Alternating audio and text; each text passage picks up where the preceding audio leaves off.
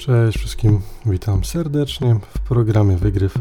Dzisiaj o Genshin Impact i najnowszych częściach fabularnych z odcinka, a z wersji gry 2.8. W takim błyskawicznym skrócie, o czym opowiemy sobie dzisiaj, to wakacyjny wyjazd Etera oraz ekipy zostaje zakłócony przez tajemniczą maszynę Fatui, która jest oparta na mocy jakiegoś boga.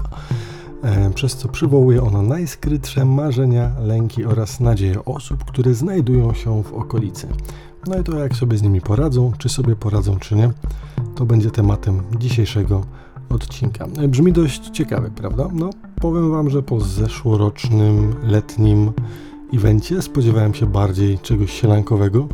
Poszukiwania Dodoko było całkiem mm, urocze, powiedzmy ale takie bezpiecznie urocze. Natomiast tutaj będziemy ocierać się o dość mocne problemy, ponieważ no, w tym odcinku w kwestii, w evencie o nazwie Summer Fantasia będziemy się przebijać przez pięć wątków fabularnych różnych bohaterów, gdzie tak naprawdę każdy z nich będzie próbował na swój sposób znaleźć spokój ducha który no, będzie musiał być jakimś wewnętrznym spokojem e, podłożony i dzięki temu, aby móc planować dalej swoją przyszłość. E, troszkę przypomina mi to Personę 4, tak jakbym miał to porównać, co się tutaj dzieje. Chodzi mi głównie o to, że bohaterowie jakby muszą stawić swoje czoła temu drugiemu swojemu ja.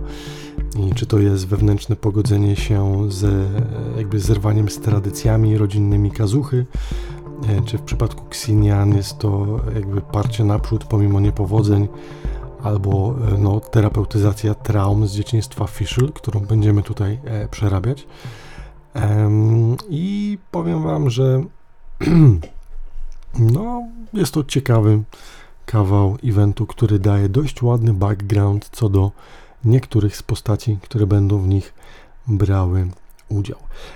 Przy okazji przejdziemy się też dosyć mocno a propos Kazuchy po jego historii i tutaj sobie połączymy jakby tą e, część e, Summer Fantasia z jego e, eventem mm, z jego, nie z eventem, tylko z jego personal story, gdzie będziemy również przyglądać się jego osobie, ale że jakby do zrozumienia całości jego będzie potrzebna nam wiedza z różnych części. Pomyślałem, że po prostu wrzucimy to też w ramach tego letniego evenciora.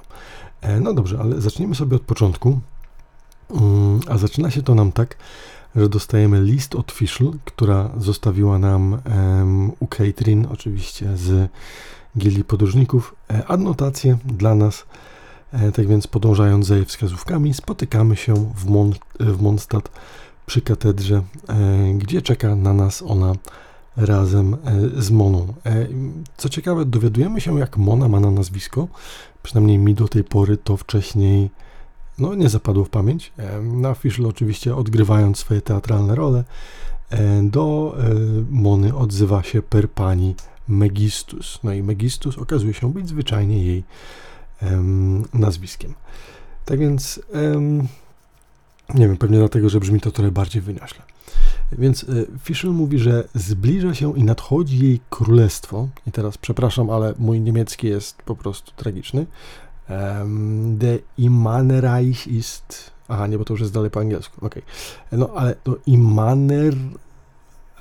Reich, Boże, nie wiem. No w każdym razie królestwo Fischl według niej ma być gdzieś niedaleko ma nadciągać i my oczywiście mamy się tam wybrać. I wiecie co? No, normalnie można by myśleć, że to jest po prostu pokręcony sposób, w których dziewczyna chce nas zaprosić razem na wakacje gdzieś tam, żeby wyjechać sobie odpocząć, ale jak się okazuje, dzień wcześniej Kli oraz Fischl spotkały się.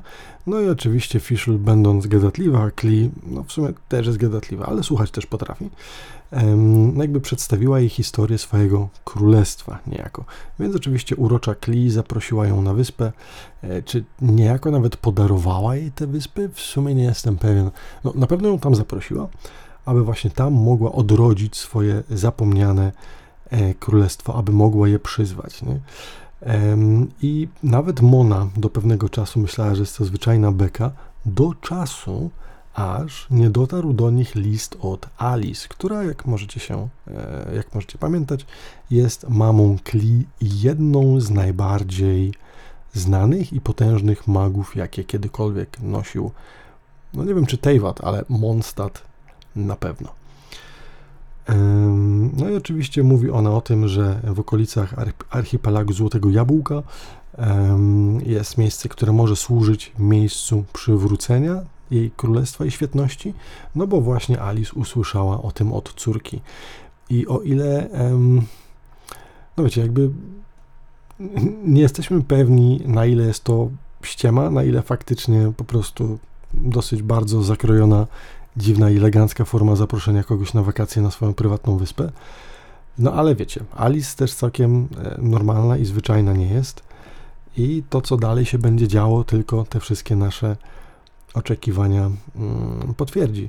Dodatkowo Alice bardzo ładnie gra jakby w tą całą grę, bo list jest napisany językiem, do którego Fischl przywykła, czyli wiecie, taki sztucznie archaizowany, taki nieco wyniosły, troszkę teatralny, więc no jakby ciężko jest odmówić czemuś takiemu. No i jakby ta cała sytuacja ma gdzieś tam mieć miejsce y, w ramach właśnie archipelagu. No i my, jako e, przyjaciele Fischl, jesteśmy oczywiście zapraszani jako świadkowie, aby no, móc przeżyć to cudowne wydarzenie, jakim jest powrót jej królestwa. Mm, a jako, że Fischl też nie do końca wiadomo, kiedy mówi poważnie, a kiedy toczy swój teatr, na razie po prostu zakładamy, że no dobra, w porządku, po prostu jedziemy na wakacje. Byliśmy tam w zeszłym zeszłym roku, więc jakby prawdopodobnie mówi to tylko po to, bo sama nie wie, jak się tam udać, tak? Więc będziemy jej e, po prostu towarzyszyć jako e, przewodnicy, zwyczajnie, aby dotrzeć do tego miejsca.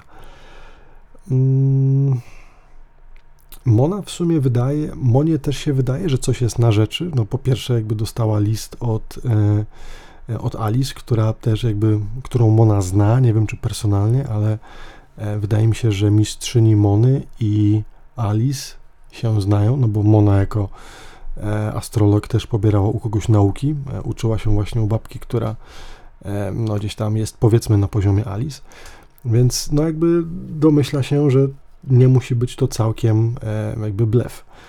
Mm, dodatkowo e, Mona mówi, że jeżeli ona tam jest właśnie zaangażowana, to mogłaby co prawda sprawdzić dywinacją, ale nie chce, po prostu woli, woli się od tego trzymać z daleka. No oczywiście my się zgadzamy, że zaprowadzimy je w tamte miejsce, umawiamy się zatem na zajutrz rano gotowi na wyprawę, ale do tego czasu chcemy zgarnąć jeszcze kogoś na wyprawę. Kogoś, kto zeszłym razem e, też oczywiście w tamtych okolicach nam nieco pomógł. Sprawnym krokiem podróżujemy więc do baru, gdzie jesteśmy w stanie złapać Ventiego, który oczywiście przy kolejnych szklaneczkach e, nie 0% napojów umila sobie czas. E, o tyle jest to interesujące, że jest z nim także Xinian oraz Kazucha.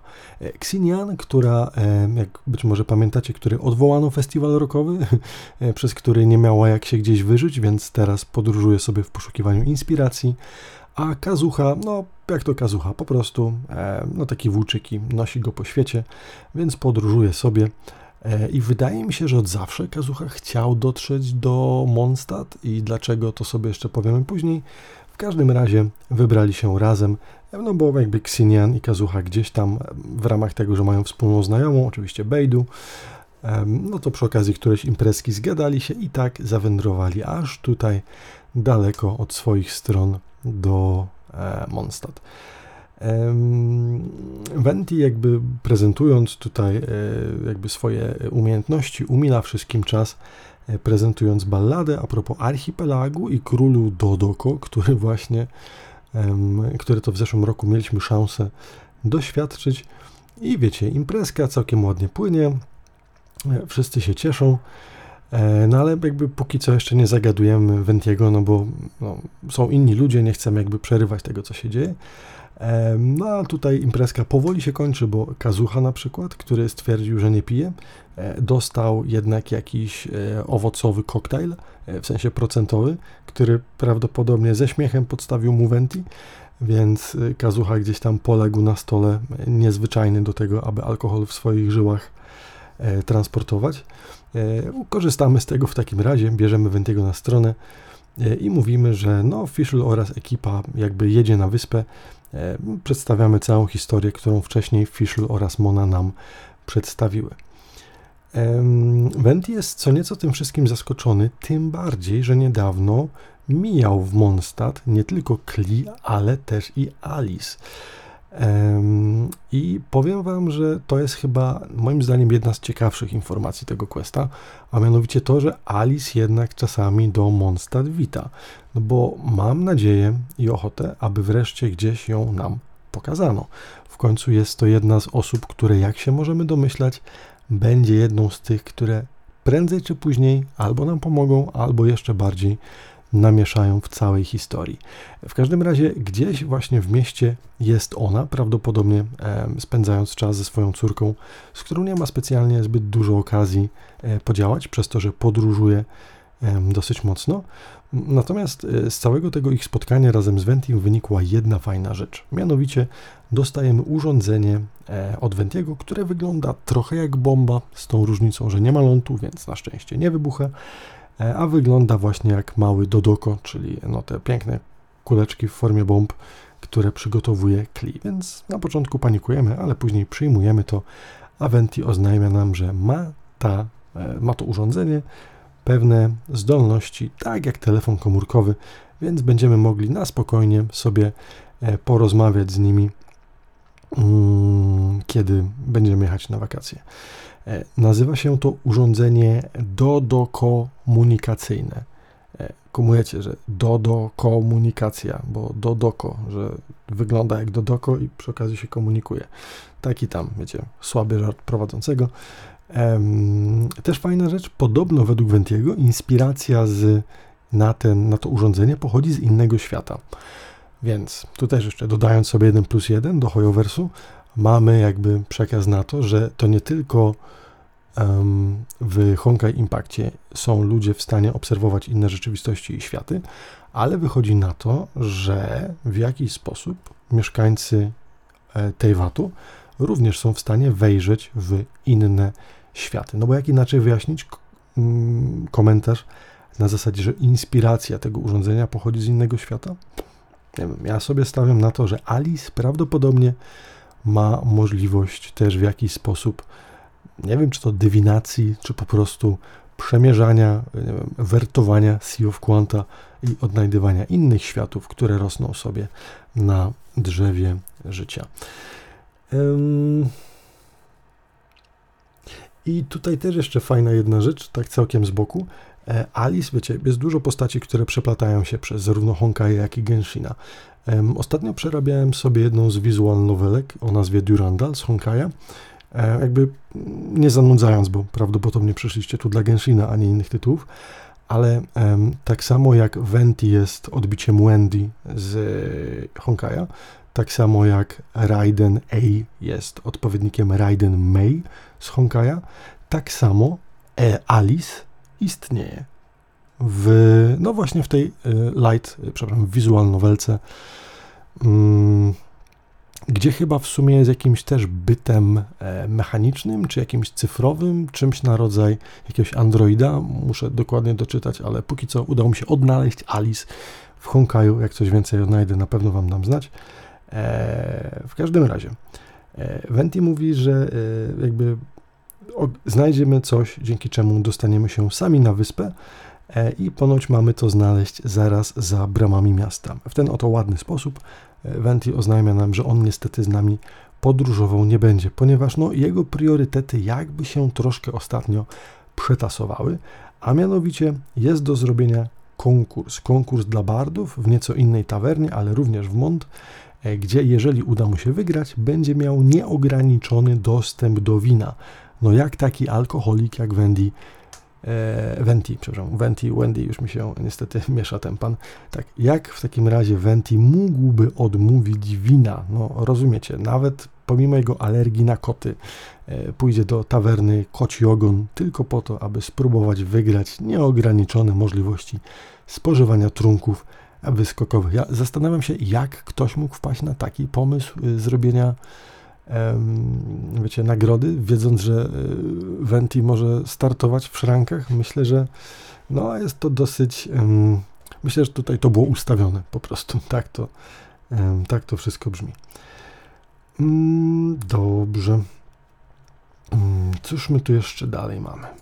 A i mam też wrażenie pewne, że jeżeli no, jakby Venti się zakrywa tym, że będzie się po prostu łajdaczył gdzieś tutaj razem z winem e, w okolicznych tawernach, ja mam wrażenie, że być może coś więcej na temat jego prawdziwych wątków wypłynie w kolejnych Archonquestach. Dlaczego? Alice nie wydaje mi się, aby do tej pory oficjalnie jakoś odwiedziła miasto, albo abyśmy my mieli temat, na, no, jakieś informacje na jej temat. Zazwyczaj podróżowała i z tego co pamiętam, Kli chyba od dawna nie miała z nią kontaktu, a tu jakby nigdy nic, wiecie, gdzieś w jakichś pół zdaniach jest przemycany, moim zdaniem, potężny po prostu news. Na zasadzie Alice wróciła do Mozart. Być może się troszkę za mocno ekscytuje, ale moim zdaniem być może niezdolność Ventiego do podróży jest spowodowana tym, że zwyczajnie ta dwójka coś kombinuje i być może wreszcie Venti zrobiłby coś z sytuacją, w której jego gnoza została buchnięta. Tak? Być może szykują jakiś plan, próbują się, nie wiem, w jakiś sposób zabezpieczyć przed tym, cokolwiek może Celestia planować i cokolwiek mogą też Fatui z gnozami kombinować, więc wydaje mi się, że zwyczajnie Venti nam całej prawdy tutaj nie wyjawia. Niezależnie od tego, na drugi dzień rano spotykamy się przy bramach miasta, gdzie przedstawiamy całą ekipę sobie, e, bo jakby podczas tej imprezki też zapada, że faktycznie e, tutaj Kazuha oraz Xinian są zainteresowani tego typu wyprawami. E, no, Vent, jak już wiemy, ma swoje alibi, więc na drugi dzień rano przedstawiamy Monę oraz Fischl, Xinian oraz Kazuchę, poznają się oni. No i po jakiejś takiej wstępnej analizie i przedstawieniu wyruszamy do. No właśnie, e, czym? E, Venti wspomniał, że w jakiś sposób magicznie za bramami miasta znajdziemy coś, czym się będziemy w stanie tam przenieść, i wygląda to jak niewielki budynek albo taki troszkę większy namiot w formie oczywiście stworka Dodoko, który gdzieś tam ma prawdopodobnie drzwiczki i nim jesteśmy w stanie się przeteleportować na wyspę. Tak oto przebywamy właśnie na archipelag Złotego Jabłuszka. Oczywiście wszyscy są pod dość dużym wrażeniem, ponieważ no, jedynie my byliśmy tam kiedykolwiek wcześniej razem z Paimon, natomiast dla reszty myślę, że może być to, wiecie, dość e, niesamowity widok.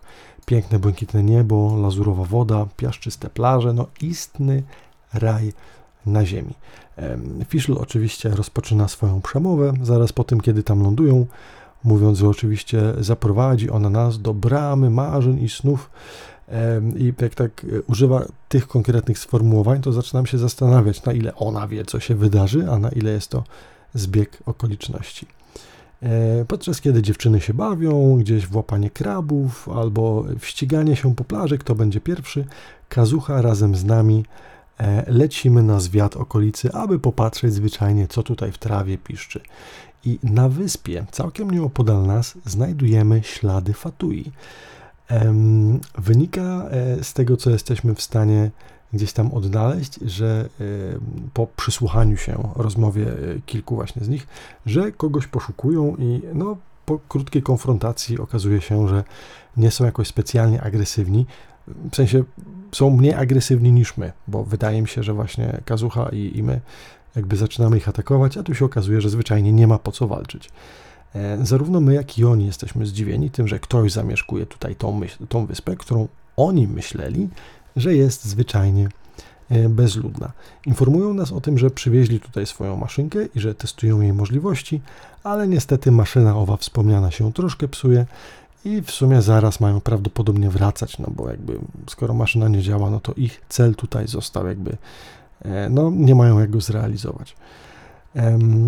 No i jakby to nam wystarcza, ale stwierdzamy, że nie będziemy informować o tym nikogo innego ponieważ no, nie chcemy psuć im wakacji. Co prawda, no wiecie, Fatui ci nie są jacyś agresywni, ale myślę, że większość jednak świata Tejwat, kiedy myśli Fatui, to od razu z tyłu ich głów pojawiają się różne najgorsze czarne scenariusze. No taka łatka niestety z jakiegoś powodu do nich przylgnęła. Ehm, aby jakby sprawdzić co i jak, dzwonimy też później używając naszego Dodo komunikatora, aby powiedzieć mu o tym, ale on stwierdza, żebyśmy się w sumie nie martwili, no bo jakby, wiecie, po co? Nie? Dlaczego mieliby się tym martwić? Być może Ether ma jakąś traumę po ostatnim starciu z La Signorą, które w sumie nomen omen wygrał. No ale nie mówimy tu o jakichś heraldach Fatui, tak? Mówimy o zwykłych, szeregowych żołnierzach, z którymi raczej nie powinniśmy mieć żadnych kłopotów, gdyby nawet doszło do, jakiegoś, do jakiejś eskalacji. Mm, na drugi dzień rano zaczyna się robić już troszkę ciekawiej. Budzi nas Paimon i jest ona nieco spanikowana, mówi, że musimy koniecznie wstawać, bo dzieją się tutaj jakieś dziwne rzeczy. I z początku wszystko, wiecie, wygląda normalnie tak samo, nic podejrzanego nie widzimy, do momentu, w którym nie zauważamy gadającego statku oraz rozmawiającej po ludzku wiewiórki.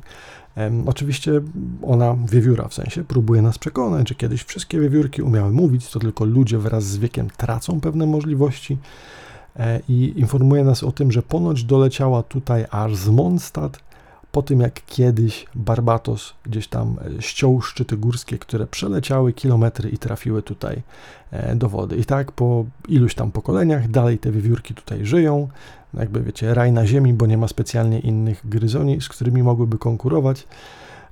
No ale wiecie, e, dosyć hardkorowo. Nie? Poza tym nie widzi mi się w ogóle Barbatos, który ścina góry jakimiś uderzeniami. Nie wiem, chyba że e, szukając wody do wypicia po zbyt długiej imprezie nocnej. Jakoś mi się to nie dodaje, no ale myślę, że Venti jeszcze nie odsłonił przed nami wszystkich swoich kart. No bo wiecie, no jakby trzeba zaufać wiewiórce. Skąd wiewiórka miałaby jakby powód, żeby e, nam kłamać, prawda? Generalnie ta cała sytuacja wygląda jak taki srogi trip, nie? Albo nie wiem, jakaś sytuacja, kiedy mamy naprawdę wysoką gorączkę i jawią nam się dziwne oczy, e, dziwne rzeczy przed oczami. Ale okazuje się, że nie jest to tylko nasz wymysł, ponieważ inni też zauważyli jakieś dziwne sytuacje. E, nie wiem, słońce i księżyc naraz na niebie, kiedy tam bardzo szybko lecą, jakieś latające wiewiórki, pływające pod wodą ptaki, e, no to i tego rodzaju inne iluzje e, pojawiają się przed bohaterami. I myślę, że warto w tym momencie troszkę fabularnie, chronologicznie wyskoczyć na sam koniec, kiedy to dowiemy się, jakby skąd to wszystko się bierze. Więc e, przejdźmy się do wspomnianej całkiem niedawno maszynki Fatui, e, która tutaj będzie głównym mm, no, powodyrem tych całych sytuacji. Otóż na tej wyspie, gdzie byliśmy poprzednio, zepsuta maszyna jakby no, rozwaliła się na maksa. Był pewien badacz o nazwisku Persikow, E, który, no, kiedy tam docieramy, zachowuje się jakby mu naprawdę mocno odbiło, w jakimś takim troszkę euforyczno-katatonicznym stanie na zmianę. E, chłopak się, e, się gdzieś tam koło nas przewija. Mówi, że teraz już nikt się nie obudzi, ale przynajmniej maszyna działa tak jak trzeba, więc udowodnił to, co chciał.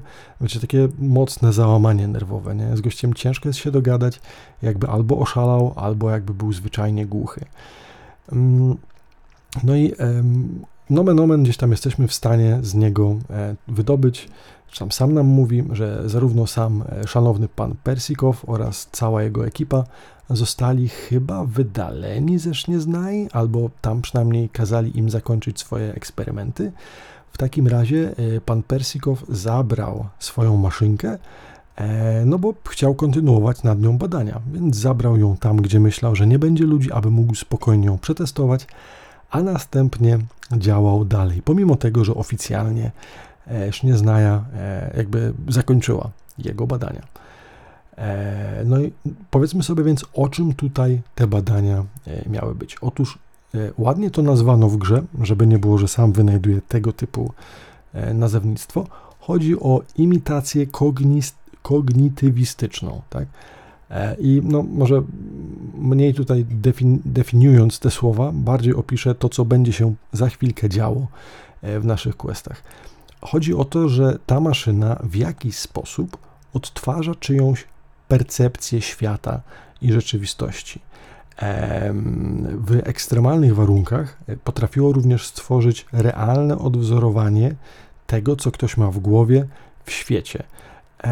Albo bardzo zbiorowe halucynacje, ale wydaje mi się, że jednak jest to po prostu tworzenie za pomocą jakiejś szalonej mocy e, tego, co niektórzy mają po prostu w głowach. Mm, I nie dowiadujemy się specjalnie wiele więcej na temat tego, jak maszyna działa, poza tym, że ponoć kopiuje ona moc Boga. Czy mieli tutaj Państwo, szanowni, z Michojo myśli Archona? Ciężko powiedzieć, ale no, wydaje się, że maszynka ta może łączyć się z jakimś Bogiem e, i używa jego mocy, albo zwyczajnie kopiuje sposób, w który, e, w który on to ma. Na przykład sięgając do drzewa życia albo do Sea of Quanta, aby tamtej energii e, zaczerpnąć. Też jakby próbując powiązać Michojower z, z Honkajem. Mm, w każdym razie to, co tutaj się dzieje, czyli tworzenie iluzji przed wszystkimi, bardzo przypomina mi moce Herschera świadomości, czyli Herscher of Sentience, który też bardzo podobnie potrafił wytwarzać iluzje oraz wpływać na czyjąś świadomość, tak właśnie jak Senti. I o ile no, mamy tutaj raczej małe szanse na to, że jakikolwiek Herscher z Honkaja zawędrował na świat Genshina, o tyle no, w sumie e, ten, to nieznane bóstwo, które na początku rozdzieliło e, Etera i Lumin, jest prawdopodobnie bardzo mocno, no może nie lobbowane, ale są bardzo spore szanse na to, że to też jest jakaś forma Herschera, która gdzieś tu się przewija. Natomiast na pewno nie jest to ta sama osoba.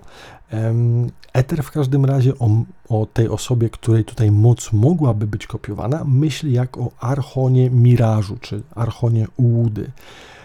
No bo tutaj nie mamy Herscherów, tak, tutaj mamy Archonów. Niemniej jednak e, tutaj na tym świecie Archoni mają moce siedmiu elementów. Siedmiu elementów, które podstawowe na początku w tym świecie istniały jeszcze przed przybyciem tutaj e, pierwszego boskiego tronu, kiedy to Fanes pokonał siedmiu smoczych władców, e, którym, z którym to jednych na przykład był Asharha, e, którego później uratował, a następnie uwięził Morax.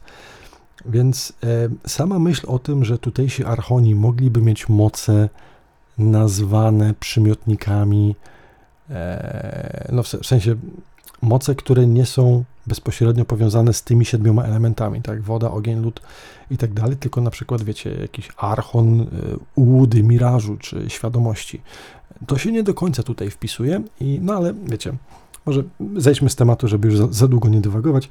W każdym razie e, moc tej maszynki prawdopodobnie pochodzi od jakiegoś Boga. Nic więcej, E, niestety tego nie wiemy.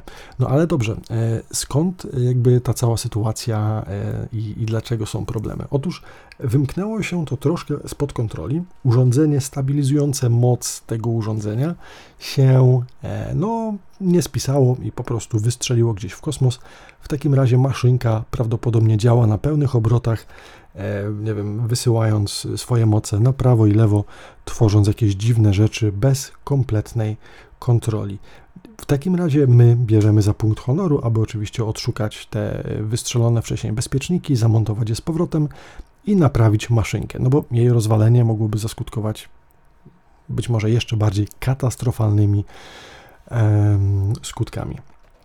Mm, no i em, co prawda e, takie mamy chwilowe przemyślenia, ale e, warto jeszcze zauważyć, że pomimo tego, że pojawią się tutaj przed nami miraże wszystkich gości, których zaprosiliśmy, czyli Fischl, Mony, Xinian oraz Kazuchy, o tyle Ether oraz Paimon nie mieli swoich. I warto też tutaj jakby pomyśleć nad tym, że em, być może jest to jakiś znak, że z nimi coś zwyczajnie jest nie tak.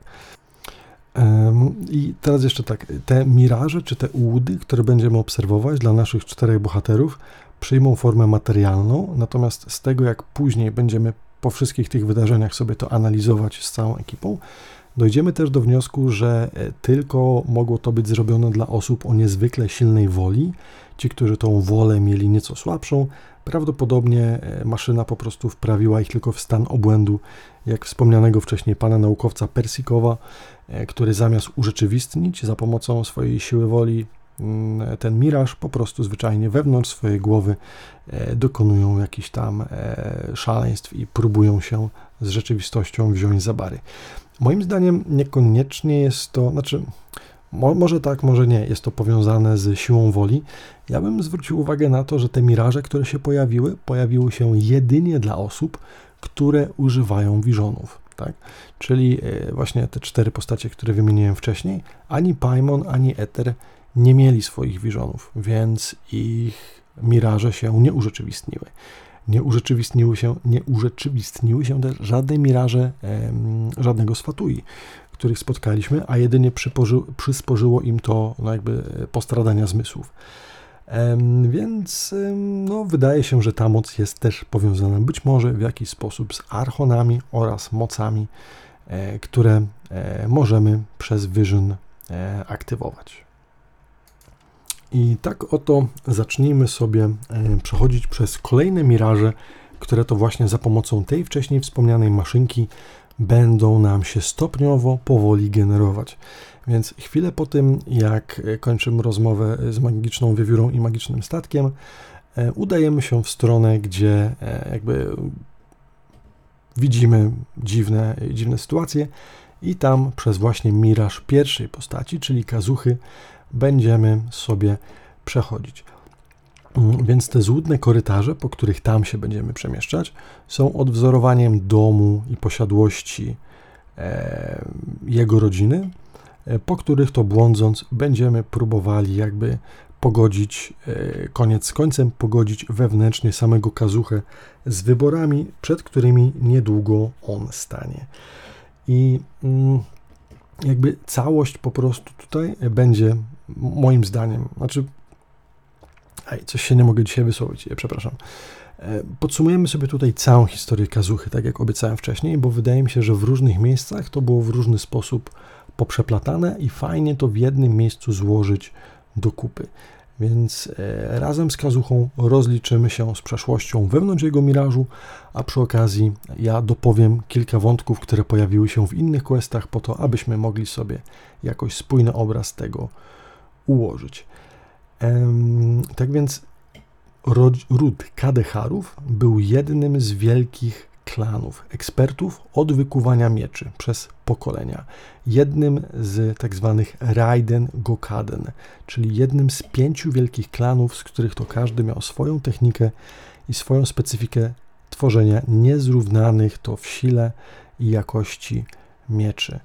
E, filozofia Kadecharów zakłada, że trzeba stać się jednością z mieczem, zestroić się z nim i jakby z tego wynika to, że możemy dokonywać e, no, odpowiednich technik, odpowiedniego, odpowiednich mocy możemy używać. Więc nie wszystko zależy od miecza, ale też od wojownika.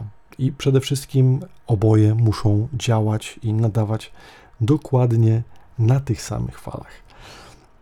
Mm, I jeżeli już wiemy to, no to e, teraz opowiedzmy sobie o tym klanie i o różnych osobach, które w tym klanie miały no, decydujące znaczenie na temat jego przeszłości. Przejdziemy się tu kilka pokoleń za Kazuchę.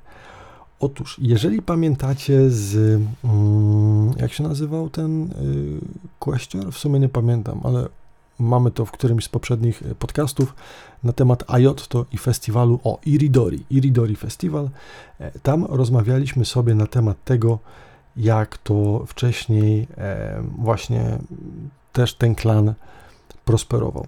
Więc w bardzo dużym skrócie, jeżeli chcecie troszkę więcej na temat Raiden Gokaden sobie posłuchać, to zapraszam do jednego z poprzednich odcinków właśnie na temat Iridori festiwalu. E, a tutaj w takim bardzo, bardzo dużym skrócie.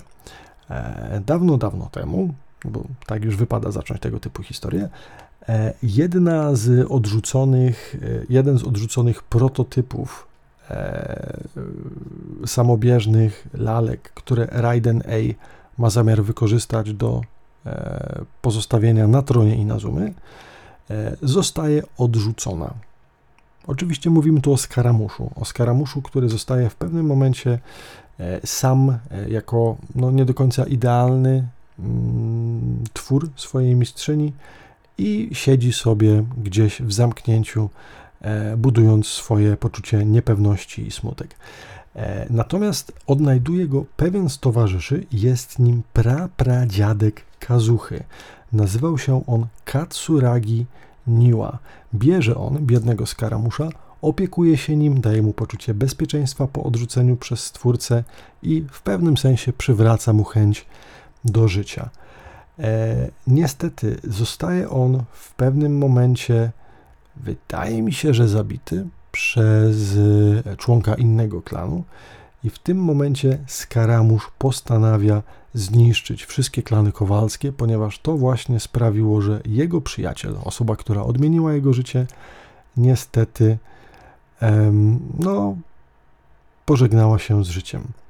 Więc Skaramusz e, troszkę przez machinację, a troszkę później już ręcznie sam wprowadza różnego rodzaju błędy w blueprintach czy w takich schematach, których ci kowale używali, aby oni sami popadli w niełaskę przed Raiden e, Shogun i aby wtedy no jakby te ich klany zniszczyć albo bezpośrednio, albo przez tego typu machinacje. I w pewnym momencie, kiedy to właśnie ma zamiar wykończyć kolejnych kowali z różnego klanu, trafia na Yoshinoriego Niwe, który jest synem Katsuragiego Niły, czyli no jakby no taki, jest jego synem i jest pradziadkiem Kazuchy. Mm, ale pradziadek Kazuchy ma też później zmienić swoje nazwisko i z Yoshinori Niwa staje się Yoshinorim Kadeharą. Jeszcze raz, tutaj mamy pradziadka Kazuchy, który został oszczędzony przez Skaramusza, I jakby no, stwierdził on, że przeżyje i nie wykończy jego, jego rodziny, ale tylko i wyłącznie, jeżeli tamten no, nie będzie, bo po pierwsze zamilczy o wydarzeniach, które, e, które widział, e, po drugie jakby no, prawdopodobnie nigdy nie wróci do kowalstwa. Tak więc pradziadek Kazuchy, czyli Yashinori Kadehara, albo wcześniej Yashinori Niwa, ta sama osoba, tylko po prostu w pewnym momencie zmienia nazwisko, E, by ratować rodzinę, nie może powiedzieć nikomu prawdy. Nie może też pokazać, że w technikach, które były przekazywane z pokolenia na pokolenie, w tworzeniu nowych mieczy, był błąd. Milczy więc o tym i ma nadzieję, że nikt z jego rodziny nie podejmie się tego, aby przypadkiem nie wrócił tutaj Skaramusz, który być może już wtedy nie będzie aż tak skory, aby uratować i znowu e, nie przyczynić się do zguby E, jednego, no gdzieś tam ze swoich, e, z potomków e, swojego wybawcy. Teraz dojdziemy sobie do syna Yoshinariego Kadehary, a mianowicie do dziadka Kazuchy o imieniu Hisamichi Kadehara. Wydaje mi się, że już chyba od Yoshinoriego, czyli od pradziadka, niektórzy z Kadeharów zaczęli robić bonsai, drzewka, takie wiecie, miniaturowe jak to w technikach wschodu, nie wiem, czy dopiero w momencie, w którym przestali robić miecze, czy była to po prostu rzecz dodatkowa, którą po prostu, no nie wiem, jakieś tam wysokie rody i klany e, wtedy uwielbiały. Niemniej jednak e, wydaje się, że właśnie dziadek Kazuchy po raz pierwszy do drzewnych elementów, które zawsze były kiedyś używane przez jego rodzinę, zaczyna dodawać też kamienie. Kamienie, które w krajobrazie się komponują e, i które uzupełniają jakby całość właśnie e, bonsai. No niestety, czekajcie, jakby to zacząć? Może e, zacznijmy od tego, że jest on mimo wszystko postacią pozytywną. Później będzie miał on trochę e, spiny ze swoim pradziadkiem na temat właśnie pracy kowalskiej, ale tutaj spróbujmy sobie jakby naświetlić go najpierw w pozytywnym tego słowa życzeniu.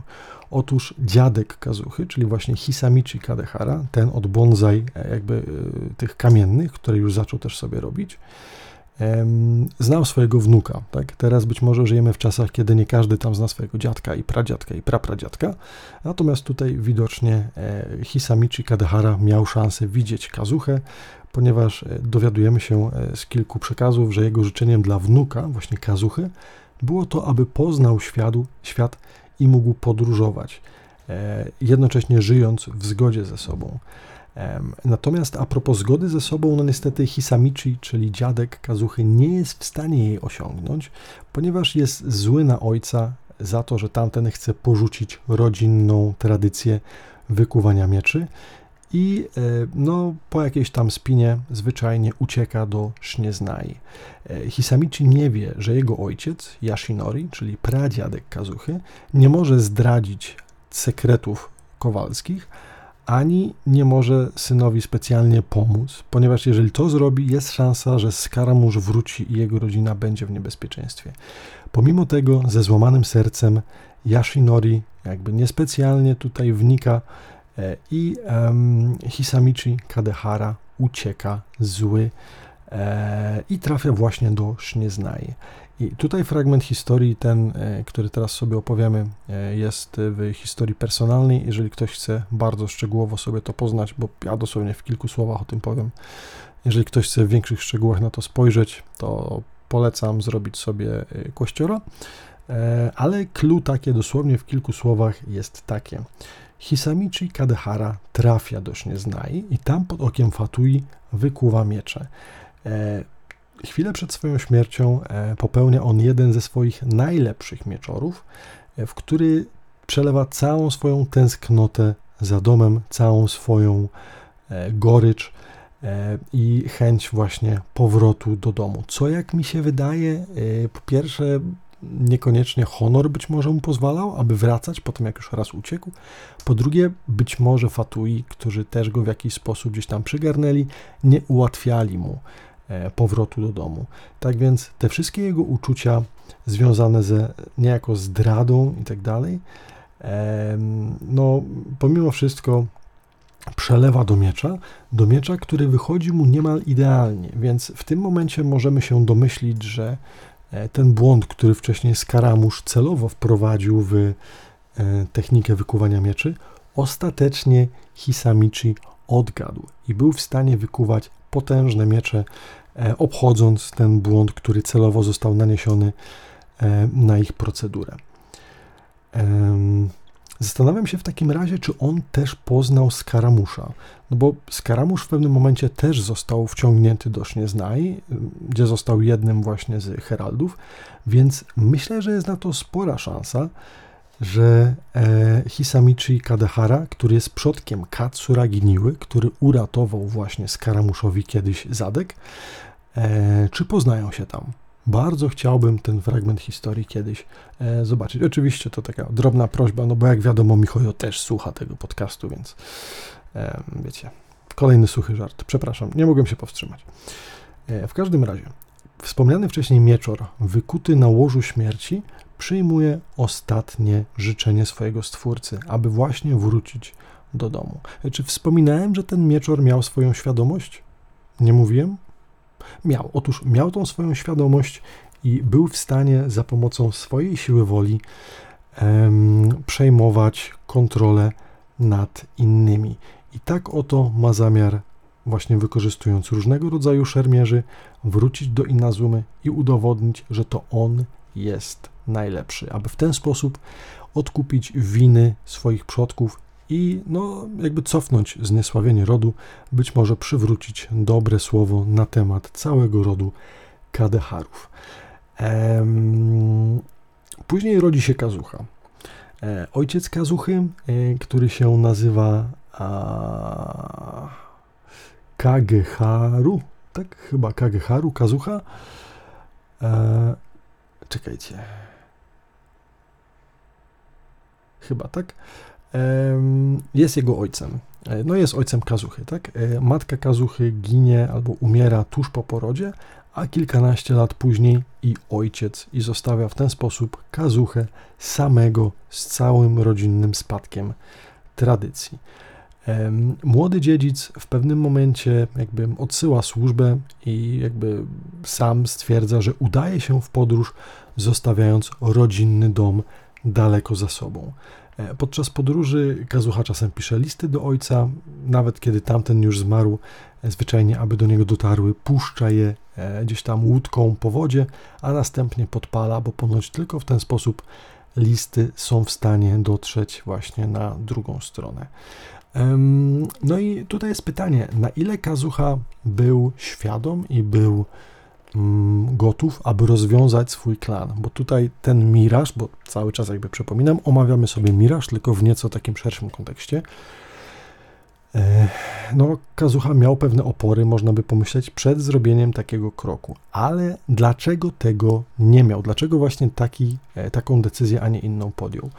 Otóż kiedyś w rozmowie z ojcem Tamten wiele razy mu mówił, że rodzina nie powinna go powstrzymywać, że jeżeli jest coś, co chciałby zrobić, powinien tego posłuchać. I nawet jeśli to właśnie jego rodzina ma długą historię i tradycję, to nie powinna ona być brzemieniem, które tamten powinien dźwigać na sobie za wszelką cenę. Ojciec mówi, że tamten po prostu powinien wybrać swoją ścieżkę. I e, ojciec e, Kazuchy, czyli Kageharu, e, zwyczajnie. E, czekajcie, Kageharu? Tak mi się wydaje. Jak nie, to później sprawdzę jeszcze i sprostuję gdzieś e, w minutkach. Ale e, ojciec Kazuchy mówi to też z tej perspektywy, że jakby ich rodzinna tradycja zaginęła, tak? Jego ojciec, który prawdopodobnie był ostatnim zapalonym kowalem, uciekł gdzieś nie wiadomo gdzie i nie wrócił już nigdy. E, być może zabierając nawet gdzieś tam te techniki i informacje na temat tego, jak, jak i co wykuwać. E, pozostali członkowie rodziny nie byli świadomi, że być może coś innego jest gdzieś e, potrzebne.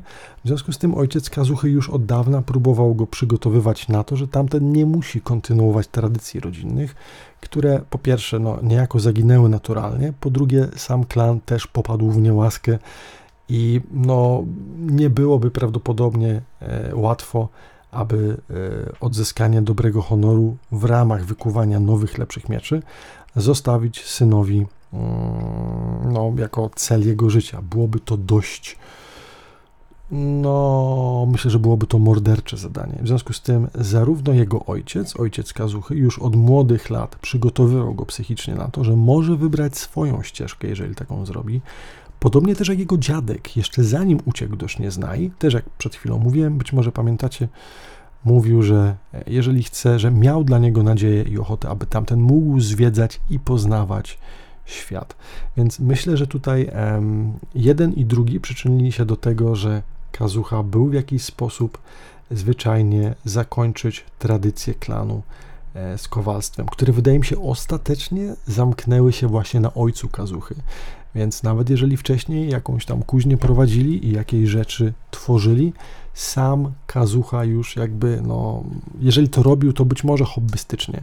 Natomiast nigdy na taką skalę i nie z takim podejściem i, i misją, jak poprzedni jego przodkowie.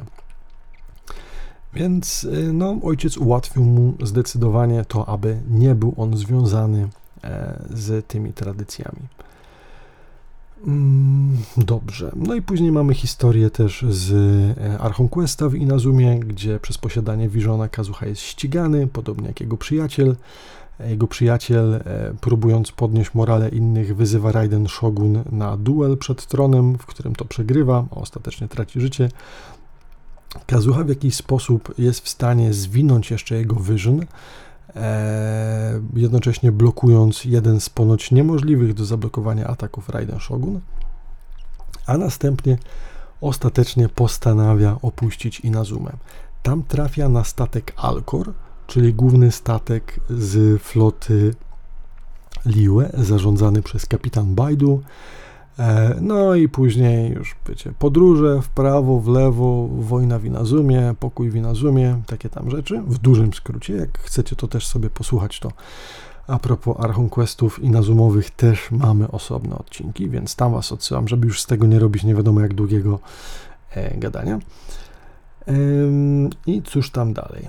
Mm, no i mamy już powiedzmy pokój w Inazumie, Kazuha jeszcze gdzieś tam się przechadza, chodzi sobie, przybywa na Iridori Festival, na który to zaprasza go Ayato po to, aby e, gdzieś tam e, no, próbować e, mu zadośćuczynić i ten jego klan mimo wszystko też wyciągnąć do góry. Więc ostatecznie Kazuha wraca, chociażby tylko na chwilę po to, aby rozliczyć się z przeszłością, właśnie na Inazumę. Ale nie wraca tylko on, ponieważ po długim czasie i wielu bitwach wraca również miecz dziadka Kazuchy. Tak? Ten, o którym mówiliśmy, że miał on swoją świadomość i przejął niejako wolę i ostatnie życzenie swojego stwórcy. Tak więc przeskakując z wojownika na wojownika, mieczor ten przejmował nad nimi kontrolę i prowadził żmudny trud wykonania ostatniej misji zadanej mu przez mistrza. Trafiając na Inazumę, poszukuje ostatecznie Kazuchy, kiedy to słyszy, że tamten był niezrównanym szermierzem, będąc nawet w stanie zablokować killer hit Archona lokalnego kraju. Tak więc e, ostatecznie mm, razem z Eterem e, trafiamy na ten mieczor, to znaczy no najpierw na wojownika, ale później orientujemy się, że to jakby nie przez wojownika przemawia to wszystko, co, co słyszymy, tylko zwyczajnie miecz jest tym, który kieruje ruchami właśnie samuraja, e, próbując tutaj dociec swego, czyli jeszcze raz, zarówno e, oczyścić swoje imię, pokazać się Raiden Shogun, stanąć przed nią, wygrać i udowodnić mistrzostwo e, klanu Kadaharów i ich kunszt w wykonaniu, w wykuwaniu właśnie mieczy. No i trafiają właśnie na siebie ten magiczny mieczor, a później również Kazucha. Ale właśnie, jak wcześniej wspominaliśmy, Kazucha udowadnia mu, że siła tak naprawdę nie drzemie w stali i w jakości wykonania miecza, ale w zjednaniu swoich myśli z myślami miecza i staniem się jednością. W jakim sposób, wiecie, trzeba się zestroić. I dopiero to daje potężne efekty. E, oczywiście Mieczor nie chce w to uwierzyć, dopiero kiedy właśnie po jednym z pojedynków e, faktycznie przegrywa e, z no, jakimś tam zwykłym mieczem, który Kazucha po prostu na początku swojej podróży gdzieś tam zdobył. Faktycznie Mieczor jakby no, po dłuższej chwili uznaje swoją przegraną. I w ramach zadośćuczynienia używa na sam koniec ciała Kazuchy po to, aby przekuć się na nowo. No bo sam po wielu, wielu latach podróży, wielu latach bitew i prawdopodobnie nie byciu specjalnie dobrze konserwowanym, bo jakby celem miecza e, no, było dotarcie tutaj, ale myślę, że chciał to zrobić po prostu szybko, niekoniecznie jakby dbając o to, aby ten miecz był przekuwany w momencie, w którym e, zaczynał się szczerbić. Ostatecznie to właśnie po walce z Kazuchą Mieczor uznaje, aby przekuć się na nowo, sam przejmuje ciało, oczywiście za zgodą Kazuchy e, nad, nad właśnie jego ciałem, aby być może użyć ostatnich jakichś tajemnych technik rodu Kadeharów i e, no jakby przekuć się na nowo w niesamowity e, mieczor. Tak więc w ten sposób zarówno mm, jakby marzenie jego dziadka w pewnym sensie spełnia się, ponieważ Mieczor trafia ostatecznie do Inazumy i trafia nawet na jego potomka, na jego e, wnuka. Po drugie, sam Kazucha też jest w stanie e, cały swój ród zrehabilitować, którego to status ma być oficjalnie przywrócony kiedy to jedna właśnie z komisji ostatecznie podejmuje temat i w ramach e, wszystkich wydarzeń, które poprzednio miały miejsce, reflektują się, że faktycznie tutaj jakby no, klan Kadaharów może wrócić, e, wrócić tutaj i bycia tam jednym z najlepszych klanów, które faktycznie produkują miecze. Chociaż w tym momencie chyba został tylko jeden, szkoły Anemona, Amona, Anemona, coś takiego. E, nie pamiętam. No i tutaj Kazucha właśnie jest troszkę na rozstaju cały czas, no bo wiecie, z jednej strony e, serducho Kazuchy, no to cały czas podróżować i tak dalej, ale z drugiej rehabilitacja rodu też jest dla niego ważna. Natomiast po tych wszystkich wydarzeniach, całej przeszłości oraz e, wszystkich e, rzeczach, które usłyszał wcześniej od ojca i od swojego dziadka, e, wie, że nie ma szansy na to, aby zapuścił e, korzenie tutaj. E, jak to mówiła magiczna łódka Mitoboru, jak ją nazwała Paimon, ta łódka, która mówiła. Każdy z Inazumy kiedyś musi wsiąść na swój statek i jeśli nie wyruszysz, e, znaczy i nawet jeśli wyruszysz, to jest pewna szansa, że nigdy tam nie wrócisz, ale jeśli nie wyjedziesz, będziesz już na zawsze więźniem własnego serca. I myślę, że mając tą świadomość e, i całą historię klanu i wszystkie wydarzenia, przez które mieliśmy szansę e, obserwować e, Kazuchę, podejmuje on jednak decyzja, również dzięki tym mirażom, które część tych historii, które teraz Wam opowiedziałem, przytacza. Ostatecznie Kazucha czuje, jak miał szansę i czas na przemyślenie całego swojego życia i e, no, czuje, że zdjęto mu ciężar wreszcie z piersi, że dzięki temu, czego tutaj doświadczył, jeszcze raz przyjrzeniu się swojej przeszłości, jest w stanie zyskać jasność myśli e, i na podstawie e, tych przemyśleń wie, co teraz będzie robił. I oczywiście będzie podróżował. Być może też w jakimś sensie będzie kontynuował sztuki kowalskie. Na ile będzie to łatwo robić w podróży? Prawdopodobnie niełatwo. E, chociaż nie wydaje mi się, aby o taki stopień realizmu tutaj posądzać e, Michojo, e, ale no ostatecznie Kazucha podejmuje e, bary z przeszłością i jakby oczyszcza, oczyszcza sobie głowę, wiedząc, w którą stronę ma iść. Jakby mimo wszystko podejmując temat bycia dalej Kadaharą, tak, podejmuje plan stworzenia swojego własnego bonsai, ponieważ jak mówi, jest to prawdopodobnie ostatnia żywa tradycja jego rodu. Mm, I cóż, mm, wydaje mi się, że tak możemy sobie zakończyć tą historię. Mamy Kazuchę, który jest już pewien, co chce robić dalej, który rozliczył się ze swoją przeszłością. E, I tutaj możemy postawić kropkę w jego historii. Było to dość przydługie. Kolejne historie obiecuję będą krótkie, ponieważ nie będziemy aż tak dogłębnie analizy tutaj prowadzić ale myślałem, że przejście się po wszystkich e, przodkach Kadeharów jest potrzebne, e, aby jakby mieć tą całą historię złożoną w całość, nie z 10 questów, tylko po prostu w jednym miejscu. I mm, jeżeli słuchacie tego na Spotify'u albo na jakimkolwiek innym podcaście bez pomocy wzrokowej, to ogarnięcie tych wszystkich imion będzie prawdopodobnie karkołomną rzeczą. Jak gdyby nie to, że patrzę cały czas w notatki, też bym pewnie te wszystkie nazwiska poprzekręcał i imiona ale jeżeli oglądacie to na, na tym na e, YouTubie, to mam nadzieję, że wysilę się, aby stworzyć jakąś planszę, gdzie tych wszystkich przodków e, po prostu wyrzucimy sobie jeden za drugim, e, tak abyście mogli e, widzieć o kim mówimy e, i jak ta historia E, od Katsuragi Niły doszła sobie tutaj aż na sam dół do Kazuchy, bo mm, myślę, że jeszcze kiedyś gdzieś te postacie mogą nam się przewinąć.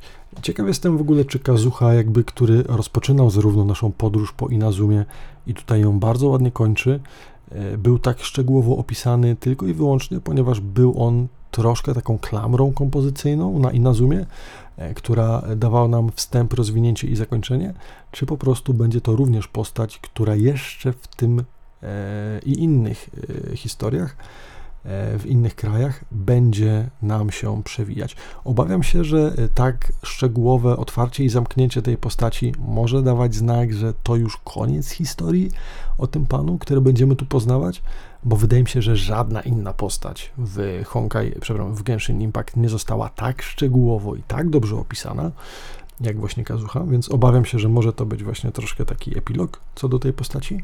E, o tyle moim zdaniem jest to bardzo ładne i klarowne zakończenie tej postaci. No a czy jeszcze kiedyś nam się pojawi jak bardzo w szczegółach, no to pokażą kolejne update'y. A teraz kolejna postać. I tutaj, jak obiecałem, troszkę krócej, zacznijmy sobie od Xinian. Um, o ile y, Miraż Kadeharów był wcześniej pokazany jako różnego rodzaju dziwne, przekręcone fragmenty jego domu, y, który zwiedzaliśmy i w którym to odtwarzaliśmy historię z jego przeszłości, o tyle w Mirażu Xinian będziemy gdzieś się poruszać po jakichś y, dziwnych miejscach, które troszkę przypominają Liłę, E, troszkę jakieś e, dziwne górskie zbocza z potężnymi, śmiesznymi, dziwnymi, gadającymi kwiatami. E, no ale do rzeczy. Ksinian od zawsze chciała śpiewać. Prawdopodobnie w momencie, w którym to gdzieś przez okno swojego domu dostrzegła jednego z muzyków, który wykonywał nieco mniej popularne melodie niż y, te, które były normalnie uważane w Liue za tradycyjne, wiecie, jakieś takie operowe, jak na przykład Yunjin odtwarza, e, chciała właśnie mieć taką, taką szansę również robić dokładnie coś takiego. I chociaż jej rodzina bardziej zdawała się, y, bardziej zdawała się być związana bardziej z muzyką niż ze śpiewem, ona również chciała śpiewać. E, kiedyś opowiedziała jej więc historię matka, prawdopodobnie aby dać jej do myślenia, że jej głos może zwyczajnie nie jest bardzo piękny. Opowiedziała jej o tym, jak to ptaki, które pięknie śpiewają, zawdzięczają swój głos właśnie wodom, które gdzieś e, są w stanie wypić na szczytach gór, w jakichś magicznych tam E, zbiorniczkach wody, piją i stąd tak pięknie śpiewają. Więc pewnie w domyśle było, a ty Ksinian siedź tutaj grzecznie na tyłku, na dole i rób to, co ci mówimy, no bo nie jesteś ptaszkiem i nie polecisz na górze. Jak więc wielkie było zdziwienie matki, kiedy okazało się, że młoda Ksinian polazła, przyprawiając wszystkich o zawał serca, aby się takiej wody właśnie napić. E, ostatecznie odnaleziono ją gdzieś w górach i prawdopodobnie dzięki ojcu, który albo ściemnił, albo nie, ciężko powiedzieć, dał się faktycznie jej tej wody napić, aby córce już przeszły tego typu pomysły, ratuje całą sytuację. Natomiast okazuje się, że nie była to tylko dziecinna igraszka, ponieważ im starsza była Ksinian, tym bardziej była zmotywowana w swoim marzeniu, ale rodzina niespecjalnie chciała, aby tamta się parała czymś takim. Chcieli albo miała bardziej kobiece zajęcia, e, ale niestety niezbyt wiele osób ją wspierało w tym marzeniu. E, natomiast no właśnie jej jakby dusza i wola, jej e, jakby, jak to się mówi, dusza rewolucjonisty, tak? Spirit of Revolution, jest wyrażeniem sprzeciwu zarówno przeciwko jakby standardowemu postrzeganiu muzyki, przeciwko standardowemu postrzeganiu e, wyrazu artystycznego i przejawia się to nie tylko w tym, jaki rodzaj muzyki, który jest dość niepopularny oczywiście w e, Inazumie, ale też ubiór, fryzura, no jakby Xinian całą sobą te wszystkie elementy wyraża. W ogóle, czy wiecie, że muzyka którą, um, którą jakby wyraża się Xinian, jest rock and roll. Czy wiecie w ogóle, że ta muzyka pochodzi z Fontaine, w sensie z innego kraju? I o ile być może tam nie jest to jakaś rewolucja i coś nowego, o tyle w Liue, które jest nieco bardziej tradycyjne w swoim podejściu, jest to zdecydowanie coś nowego i rewolucyjnego. Pomimo tego e, wszystkie działania Xinian e, są prowadzone z gracją i z wdziękiem, i nawet pomimo negatywnych komentarzy potrafi do siebie przekonać innych, albo na tyle skutecznie odwrócić ich uwagę, aby e, jakby dali e, temu spokój. Myślę, że bardzo dobrym przedstawieniem tego, jak bardzo dobra e, w przekonywaniu innych jest właśnie Xinian, może o tym świadczyć fakt, że nawet udało jej się przekonać do swoich występów niektórych z strażników Milelitu. Na początku była ona dosyć mocno ścigana przez to, że jej występy i jej scena dosyć często płonęły, sprawiając dosyć dużo kłopotów. E, jak się możecie domyślić, no coś, co płonie nagle w centrum miasta, nie jest mile widziane przez służby porządkowe, tym bardziej jeżeli tego typu incydenty powtarzają się, tak? E, niespecjalnie, niespecjalnie rzadko. E, więc no, niektórych żołnierzy Milelitu udało się Ksinian e, przekabacić na swoją stronę, a to za sprawą właśnie ekspresywnej muzyki, którą tamta odtwarza. I dzięki temu już po jakimś czasie e, okazuje się, że na tyle dużo osób z Milelitu lubi jej rzeczy, lubi jej muzykę i przedstawienia, że no, nie jest już ona za każdym razem ściągana w momencie, w którym próbuje kolejny performance tworzyć, tylko zwyczajnie dobre uszy albo e, oczy przymykają się, e, albo też dają jej znać, e, aby mogła w jakimś konkretnym miejscu e, się odtworzyć bez przyciągania zbyt dużej uwagi innych członków tej organizacji.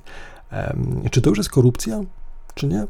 Tak się zastanawiam. Przymykanie oka, a być może jest to po prostu też dusza rewolucji, którą właśnie Ksinian przebudziła nawet w zatwardziałych strażnikach Milelitu. Ale przyjrzyjmy się też jasnej stronie mocy, ponieważ mówiliśmy tutaj właśnie troszkę o tych negatywnych y, elementach, kiedy to Ksinian musiała walczyć zarówno z rodziną, jak i z częścią strażników, aby móc się wyrażać w taki sposób, w jaki myśli. Są też osoby, które jej sprzyjają od początku, prawdopodobnie, i są to oczywiście jej przyjaciółki, e, którymi chyba no, najlepszymi przyjaciółkami jest Xiangling oraz Yunjin i obie potrafią jej poprawić nastrój, e, zrobić jakąś imprezę urodzinową, niespodziankę. I właśnie dzięki takim ludziom Xinian ma siłę trwać e, cały czas w swoich ideałach. I to w sumie... A, no właśnie, y, wspominam tu o urodzinach nie bez przyczyny. Wydaje mi się, że to, że pojawiła się Xinian tutaj w tym konkretnym miejscu, jest być może sprawą życzenia urodzinowego, które tamta właśnie sobie e, pomyślała w momencie, w którym to e, wspomniane wcześniej dziewczyny Yunjin i Xiangling e, zorganizowały jej na urodziny.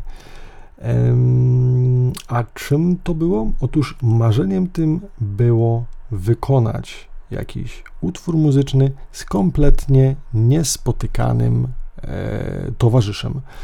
No i tutaj dochodzimy do tego, mm, czym troszkę jest miraż e, e, tej postaci. Otóż miraż Xianlin, przepraszam, Xinian jest czymś na rodzaj muzycznej góry. Ktokolwiek ją stworzył, miał dość ciekawy pomysł na to, co robił. Otóż Potężne góry są wydrążone w taki sposób i jakieś tam wewnętrzne, płynące przez nie źródełka są w stanie umożliwić wydobywanie dźwięków z tychże właśnie gór. E, I tak oto e, Xiangling, oczywiście, coś mi, coś mi tak Xiangling siedzi w głowie za mocno, Xinian, e, tak więc nasza rewolucjonistka gitarowa Xinian razem z resztą naszych towarzyszy udrażnia wodę, która płynie przez te góry. E, troszkę sama, troszkę przy pomocy wcześniej wspomnianych gadających roślin, e, które spotykamy na swojej drodze, i to właśnie dzięki nim, po udrożnieniu tych przedziwnych instrumentów, które są górami, a jednak wydobywają z siebie dźwięki, no, tworzą swego rodzaju duet. I no, tak jak mogła wcześniej sobie zażyczyć, e, nasza Ksinian zdecydowanie niespodziewany i niespotykany duet, e, który tamci byli w stanie e, odtworzyć. No i ona oczywiście jako fanka różnego rodzaju muzyki e, była w stanie również docenić tego typu no, rewolucyjne jakby podejście do tematu. Mm, I chociaż nie wiadomo, kto je stworzył, no to je ekscytacja i możliwość wzięcia udziału w takim koncercie jest niesamowita. Co ciekawe, okazuje się, że e, postać ta nie żyje tylko i wyłącznie rock'n'rollem, ponieważ stwierdza, że w tym konkretnym wypadku e, granie tutaj rock'n'rolla być może byłoby czymś fopa i zdecydowanie bardziej pasuje tutaj przysiąść do nieco bardziej klasycznej formy. E, no i właśnie w takiej, a nie innej wersji daje nam też piękny koncert koncertując razem z całą górą e, w nieco też innej odsłonie, ponieważ wraz z e, jakby bardziej klasycznymi dźwiękami jej gitary pojawia się również nieco bardziej klasyczna i bardziej tradycyjna jej persona, a mianowicie już nie ma dziwnych, zaplecionych włosów dookoła, powiewających wszędzie jakichś kłów i kolców, ale w tradycyjny, nieco bardziej klasyczny sposób e, zasiada ona i tego rodzaju koncert jesteśmy w stanie zaobserwować. I jeżeli ktoś mnie pyta o zdanie, to dużo ładniej jest w takim właśnie wyglądzie e, niż w tym rokowym. No ale cóż, wiecie, e, rewolucji nie da się zatrzymać.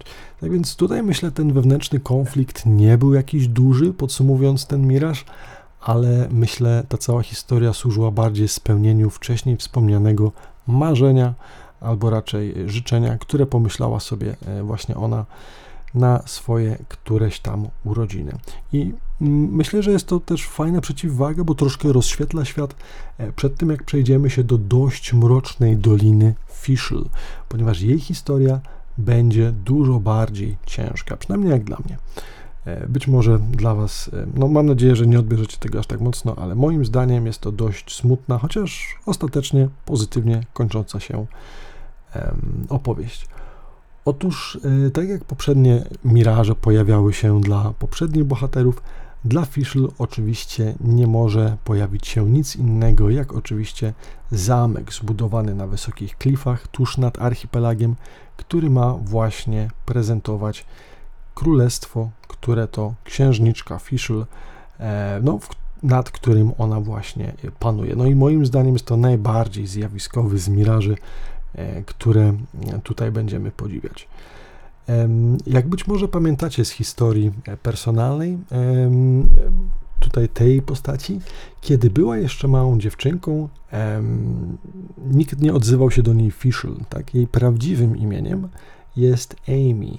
I Amy, będąc młodą dziewczynką, bawiła się z rodzicami w roleplay, jakby wiecie, odtwarzała sytuację, że ona jest księżniczką, inni są królową, czy tam królem, czy poddanymi, no różnego rodzaju rzeczy, wiecie, takie tam zabawy z dziećmi. Ehm, powiedzmy, że e, no, jej rodzice zdecydowanie zachęcali ją do odgrywania ról, tym bardziej, że dużo czasu z nią nie spędzali. Oboje byli podróżnikami i często bywali poza domem, przez co Fischl spędzała długie godziny w bibliotece czytając niestworzone historie. I tak wydaje się, że właśnie e, historia o księżniczce Fischl bardzo mocno zapadła jej w pamięć. Więc kiedy rodzice wracali ze swoich długich podróży, zarówno ona, jak i rodzice no, często właśnie odtwarzali sobie różnego rodzaju role i po prostu bawili się w swego rodzaju teatr, czy to używając konkretnego rodzaju zwrotów, czy tytułów, czy zwyczajnie tytułując się nieco inaczej, tak jak normalnie się nazywali. Jednak e, dziecinna zabawa e, nie skończyła się, kiedy Fischl dorastała, co być może ich, jej rodzice e, mieli nadzieję, że jakby coś takiego się stanie. E, wszyscy jej mówili, e, że już pora dorosnąć, wiecie, wracać na ziemię, a nie cały czas bawić się w jakieś dziecinne rzeczy. I no, wydaje mi się, że bardzo mocno ją to wyobcowało. No bo postacie i osoby najbliższe jej życiu, które wcześniej same nieco pchnęły, pchnęły ją w tą stronę, teraz nagle stwierdzały, że pora się z tego wycofać. I wydaje mi się, że tutaj punkt przełomowy był, kiedy to Fischl miała 14 lat, Gdzieś wtedy mamy dostęp do jednej z rozmów, kiedy to ktoś podkreśla, wydaje mi się, że ojciec albo matka e, podkreślają jej wiek i mówią, no, wiesz, no już w twoim wieku to jakby no trzeba się pogarnąć, już koniec z tymi bajkami, no ile ty masz lat, nie? E, no właśnie to jeszcze bardziej wzmogło jej wyobcowanie, e, no ale ona jakby bez względu na to, pomimo że zraniona, trwała w tym swoim świecie, gdzie była księżniczką tajemniczego królestwa, aż tu znikąd pojawił się Oz, czyli prawdziwy kruk, kruk posłaniec królestwa, w którym Fischl była właśnie księżniczką. I mając tą historię i widząc ten potężny miraż, będziemy tutaj sobie rozwiązywać jej wewnętrzny konflikt. Jak wcześniej Kazuha próbował pogodzić się ze swoją przeszłością, a Xiangling spełnić swoje marzenie, tak tutaj e, będziemy mieli wewnętrzny konflikt, która to Fischl będzie próbowała w sobie zamknąć. Mm, ponieważ no, wewnętrznie nie osiągnęła ona spokoju. Jak się później okaże, jest bardzo mocno nadal podzielona. I wiecie, brnie w swoich fantazjach, pomimo tego, że jest skonfliktowana sama ze sobą. Um, takim kulminacyjnym momentem e, biegania po zamku pomiędzy strażnikami, krukami. Um, w sumie wiecie, y, zanim dojdziemy sobie jeszcze tam do końca, y, kilka fajnych rzeczy, no bo podróżujemy po tych zamkach, w ogóle sama Fischl jest bardzo mocno, um, jakby to powiedzieć, wycofana, o ile od momentu przybycia na wyspę zawsze była, wiecie, o tak, tutaj moje królestwo przybywa, tak, patrzcie wierni poddani, jako żem ja jest królowa wasza, bla, bla, bla, nie? Ale w momencie, w którym jej miraż się pojawia, zdecydowanie staje się wycofana, trochę nas unika i nawet Mona, która jest jej bliską przyjaciółką, nie jest w stanie jakoś mocno z niej wyciągnąć e, informacji na temat tego, co jest z nią nie tak. No, okazuje się, że Fischl wie prawdopodobnie, że jest skonfliktowana, ale niekoniecznie chce to innym pokazywać. W związku z mm, być może przeszłymi doświadczeniami, kiedy to osoby jej najbliższe ją odtrąciły, więc być może teraz nie próbuje nawet się odsłaniać e, ze swoimi prawdziwymi myślami, aby nie zostać zraniona podobnie jak wcześniej przez rodziców. E, w każdym razie, e, w podróży po tym przedziwnym e, zamku pomaga nam trochę kruków, kruki, które są oczywiście głównymi zwierzętami, które jakby reprezentują i są obecne właśnie w Królestwie Fischl.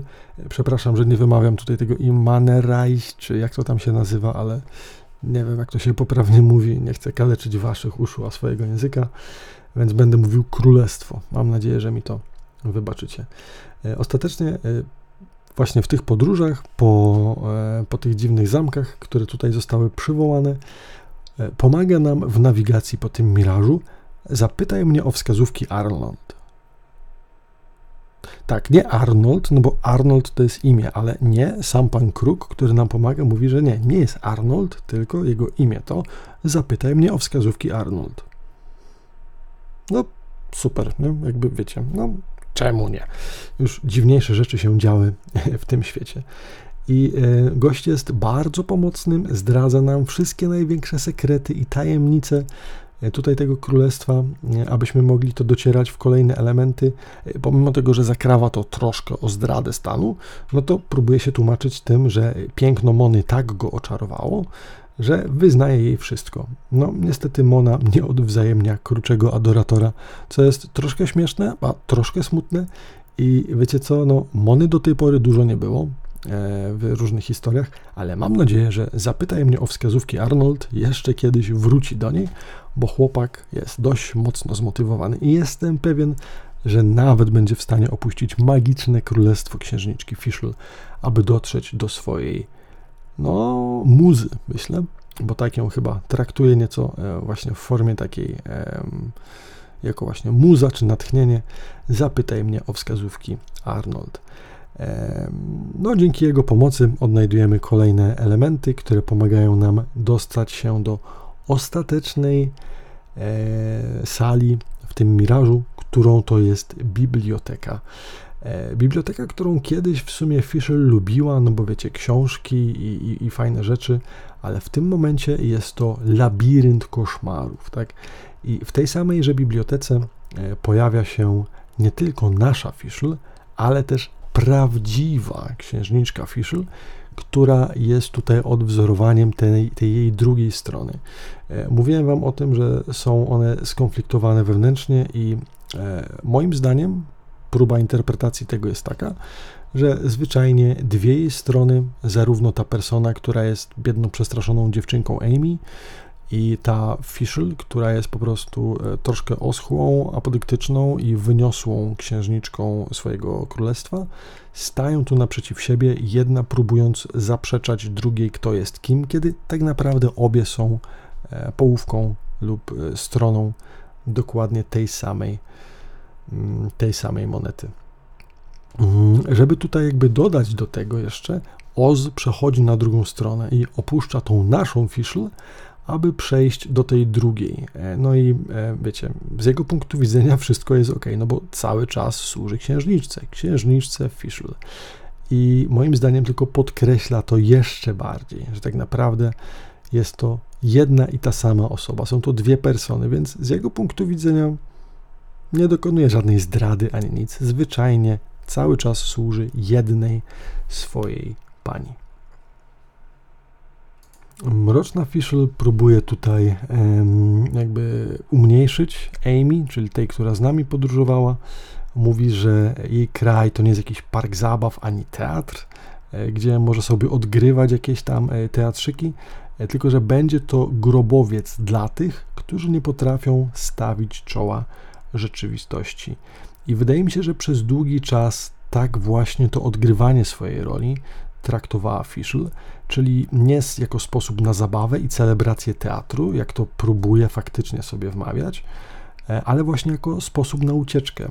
A wiecie, cały brak wiary w siebie, niepewność, trauma związana z tym wszystkim, strach przed, nie wiem, odrzuceniem i tak dalej, w tym momencie zastąpił, myślę, też y, głównie e, cel i motywację odgrywania roli Fischl, kiedy już nie potrafiła sama siebie odnaleźć i po prostu brnęła w to wszystko, choć początkowo zaczęło się to tylko i wyłącznie jako zabawa i coś, co sprawiało jej ogromną radość. No ale teraz po prostu próbuje tą grą i tym teatrem zamaskować swoje prawdziwe uczucia w tym zagubienie oraz strach. No i w tym odcinku właśnie Fischl będzie stawiała czoła tej swojej własnej wewnętrznej traumie i będzie próbowała pogodzić swoje wewnętrzne ja tak, aby faktycznie jakoś osiągnąć tutaj pokój. No bo jakby chciałaby moim zdaniem najbardziej, aby faktycznie e, to odgrywanie Fischl było dla niej teatrem i zabawą, a nie zwyczajnie ucieczką przed skrywanymi uczuciami i jakimś odrzuceniem przez najbliższych. E, I bardzo mi się tutaj podoba kontrast e, z historią Xinian, no bo jakby wiecie, Obie dziewczyny miały, powiedzmy, ciężko i brak wsparcia gdzieś przez rodziny, które niespecjalnie patrzyły na ich hobby e, w sposób przychylny. No i Amy oczywiście nie jest aż tak silna jak Xinian, ale na szczęście ma też wsparcie przyja przyjaciół swoich, które daje jej siłę, aby się ostatecznie zaakceptować. E, tak więc ostatecznie konfrontują się dwie strony, Fischl i Amy, i w pewnym momencie zaczynają rozumieć, że tak naprawdę obie e, są dwoma jakby częściami tej samej osoby. Troszkę w tym wszystkim pomaga im Oz, który troszkę jest narratorem. E, w sumie dalej nie wiemy, kim tak naprawdę jest Oz, ale zwyczajnie wyjaśnia on im, że zarówno ta e, mała i przerażona dziewczynka, która czasami jest niepewna i czasami ma wszystkiego dość, że to jest jakby ona, i że zarówno ta wyniosła, potężna królowa, która ma wszystkich za nic, to tak naprawdę też jest ona. I dopiero w tym momencie, gdzie właśnie jak w personie czwóreczce te dwie strony stają naprzeciw siebie, patrzą się nawzajem na siebie, są w stanie się zaakceptować i mamy już w tym momencie pogodzoną wewnętrznie ze sobą Fischl. Tak kończy nam się jej miraż i ostatnim, przez który sobie przejdziemy, jest to historia Mony. Mm, Mony, która, wiecie, ma dość spore wymagania wobec siebie, jako, wiecie, idealnej osoby, jako wiem, super mądrej i, i rzeczowej, już na początku stwierdza, że no wiecie, to chodźcie do tego mojego mirażu, tylko nie bądźcie tam źli, jak się okaże, że jest, wiecie, mało fascynujący i w ogóle słaby w porównaniu do poprzednich. No bo trzeba przyznać, że imaginacja i wyobrażenia Fischl dość mocno wywindowały poziom tego, co można e, naprawdę zobaczyć tutaj w tych mirażach.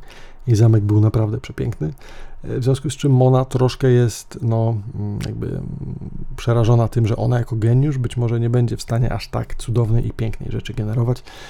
Natomiast myślę, że po chwili będzie mogła się przekonać, że to były kompletnie nieuzasadnione podejrzenia, ponieważ jej Miraż również jest piękny, specyficzny na swój sposób, ale zdecydowanie odzwierciedlenie jakiegoś układu i obrotów ciał niebieskich, gwiazd na nieboskłonie i no, jest taką troszkę próbą przedstawienia astrologii w formie pomieszczenia. E, bardzo malowniczo to wygląda. E, jeżeli jesteście na YouTubie, no to tam jakby mam nadzieję, że w odpowiednim momencie teraz pokazuję Wam to przez co się tam e, przechodzimy. E, zarówno piękne korytarze, jak i interesujące zagadki, w których to no właśnie musimy odczytać układ gwiazd, na którym to właśnie astrologia się opiera. To dopiero daje nam możliwość przebrnięcia przez jej, przez jej miraż. Mm, no i to, to, cała obawa właśnie Mony, że tutaj nie będzie taka wyjątkowa jak inni, e, pokazuje moim zdaniem właśnie jak bardzo pani astrolog chciałaby, aby inni też ją widzieli jako, jako właśnie geniusza, no bo ona sama wierzy, że astrologia, jak i ona, jest wiedzą i sztuką, która potrafi wyjawić najciekawsze, najbardziej, nie wiem, może nie mroczne, ale najbardziej podstawowe sekrety e, tego świata. Zaczęło się od tego, że e, w momencie, w którym na samym początku e, Mona jakby zaczęła się parać astrologią, ludzie często e, widząc ją, zatrzymywali ją, zadając jej często trywialne pytania, wiecie, o rodzinę, o przeszłość, o zdrowie, a ona zawsze mówiła im prawdę. Jakby chociażby była nie wiadomo jak gorzka, czy nie wiadomo jak straszna, Fischl, nie Fischl, Mona uważała, że jakby, aby być w zgodzie ze sztuką, aby nie ośmieszyć i odpowiednią cześć oddać temu kunsztowi astrologii, trzeba mówić tak jak jest, nie, nie dosładzając, wiecie, nie, nie, nie ubierając w jakieś tam kwiatuszki. Jeżeli coś ma być złe, czemu mamy to przedstawiać jako dobre, tak? Po prostu trzeba przekazać całą informację. Więc w związku z tym niestety często spotykała się ona z negatywnym odbiorem, ale no takie były tylko jej początki, tak? Przynajmniej tak mówi, że teraz jest twarda. Na ile jej to faktycznie doskwiera, ciężko powiedzieć. Tym bardziej, że już chyba z takimi zwykłymi ulicznymi rozmowami niespecjalnie często się, e, niespecjalnie często się spotyka. E, w każdym razie e, Mona stwierdza, że właśnie przez tego typu rzeczy, przez tego typu podejście bardzo wiele osób porzuciło ścieżkę właśnie bycia astrologiem, przez to też ona troszkę uznaje się za geniusza, no bo jakby ogarnęła sobie to tam, gdzie inni się poddali. E, no i e, w przekonaniu też ją utwierdza to, że nigdy się nie myli, ponieważ sama, jak już wspomniała wcześniej, e, aby żyć w zgodzie ze sztuką, nie kwestionuje nigdy swoich dywinacji, nawet jeżeli nie są one po jej myśli, wszystko bierze na poważnie i nie umniejsza żadnych znaków, które dostrzega. Według niej po prostu przeznaczenie jest no, po prostu przeznaczeniem. Nie da się go zmienić ani na nie wpłynąć. Ona jest więc tylko obserwatorem e, tego świata, a sama na niego wpływu niespecjalnie, e, niespecjalnie ma. E, to ciekawe, bo według niej właśnie astrologowie, którzy tutaj są na tym świecie, są po to, aby go doświadczać i weryfikować jego prawdy, ale sami nie są w stanie na niego wpłynąć. Co ciekawe, być może właśnie też przez to sami nie potrafią zweryfikować swojej przyszłości. No i oczywiście tym bardziej jakby wiedząc, czym jest przeznaczenie, zapisane w gwiazdach, gdzie już wszystko oczywiście jest gotowe, e, nie próbują zmieniać świata, zwyczajnie go obserwują. E, ciekawą też informację nam podaje Mona, mówiąc, że jeżeli astrolodzy staną się zbyt pyszni i aroganccy, przez to, że wiecie, posiadają taką wiedzę i dostęp do tego typu informacji, zwyczajnie mogą oni przestać e, być e, podatni, czy przestać mieć możliwość czytania e, tego wszystkiego, albo rozumienia odczytywania gwiazd. I ponoć Mona sama kiedyś w jakiejś konkretnej sytuacji czegoś takiego mm, doświadczyła. Później gdzieś tam po mirażu, poza tymi elementami, kiedy przemykamy się przez jakieś dziwne sale, które troszkę wyglądają jak Spiral Abyss, tak mi się wydaje, docieramy też do jej chaty w Mont, e, gdzie to się okazuje, że no, Mona zwyczajnie nie jest biedakiem, jak być może kiedyś niektórzy myśleli, no bo wieczny brak kasy jej doskwiera. Otóż ten brak kasy jest efektem tego, że zwyczajnie wszystkie książki tematyczne oraz aparatura do dywinacji kosztuje po prostu fortunę. Więc nawet jeżeli dziewczyna zarabia krocie, no to niestety tyleż samo zaraz po wypłacie schodzi jej na no, udoskonalanie swoich umiejętności w ramach tej konkretnej dziedziny. Więc no, w dużym skrócie witamy w świecie dorosłym. Tak, przychodzi wypłata, no i opłacimy rachunki. Dziękuję, do widzenia. Próbujemy przeżyć do końca miesiąca. Ehm, prawda ukryta w gwiazdach. Słuchajcie, e, ponoć według Mony e, wszystkie informacje, dzieje całego świata są tam zapisane. Ludzkie życia i wszystko można stamtąd odczytać. Co ciekawe, jeżeli ktoś podąża swoją drogą według Mony, to faktycznie wszystko jest ok. Natomiast jeżeli ktoś zbacza ze swojego kursu, co według niej jest odczytywane jako odbiegnięcie od tego, co jest zapisywane w gwiazdach, wszystko zaczyna się psuć. Więc być może w tym świecie jest jakiś mechanizm, który ma konkretnie spowodować, aby no, ten świat toczył się konkretnym torem. Jeżeli ktoś próbuje wyjść poza ramy, które są dla niego napisane, pod nogi rzucane mu są kłody.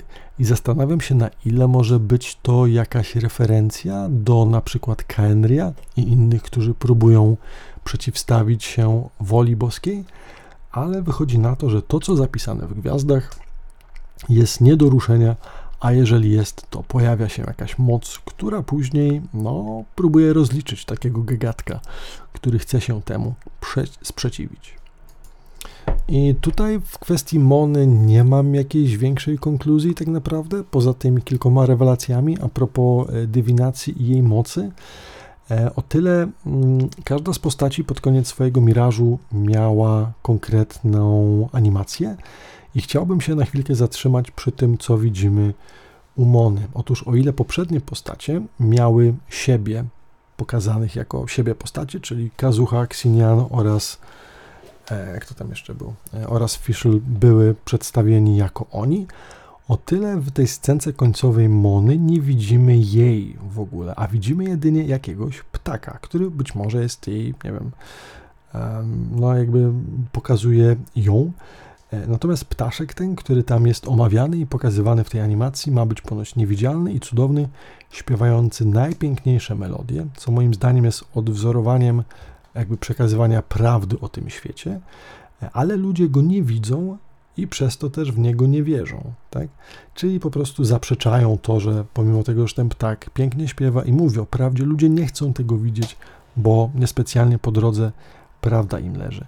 I w związku z tym ptak ten ponoć poleciał w niebo i został gwiazdą, olśniewając swym blaskiem wszystkich, natomiast jedynie ci, którzy spoglądają na niego, mogą dzięki niemu faktycznie skorzystać na tym i przejść przez ciemność. Jak to później podkreśla tutaj e, narrator w, tym, w tej animacji, e, tak ten był zrodzony z wiedzy i uwięziony przez ludzką ignorancję. I myślę, że może to troszkę nadinterpretowuje, ale czy Mona jest ptakiem, czy jest to przenośnia, czy może jest to coś większego? Wiecie, skoro jest jednym z najlepszych astrologów, to może faktycznie jest kimś, czymś więcej niż tylko człowiekiem, nie wiem, ptakiem, realnie ptakiem, może posłańcem bogów. No bo już wiemy, że jej celem jest prowadzenie ludzi do jej przeznaczenia, do ich przeznaczenia, tak? Oglądanie, nie wpływanie, tylko kontrolowanie. Brzmi to troszkę jakby mogłaby być jakimś archonem, albo być może jakimś innym posłańcem, nie wiem, być może Fanesa, nie wiem. Tutaj przedstawiona ona jest, wydaje mi się, że to chodzi o nią, jest przedstawiona jako gołąb. No gołąb jest to ptak, wiecie, symbol wolności i tak dalej, który normalnie byłby kojarzony e, z Mondstadt.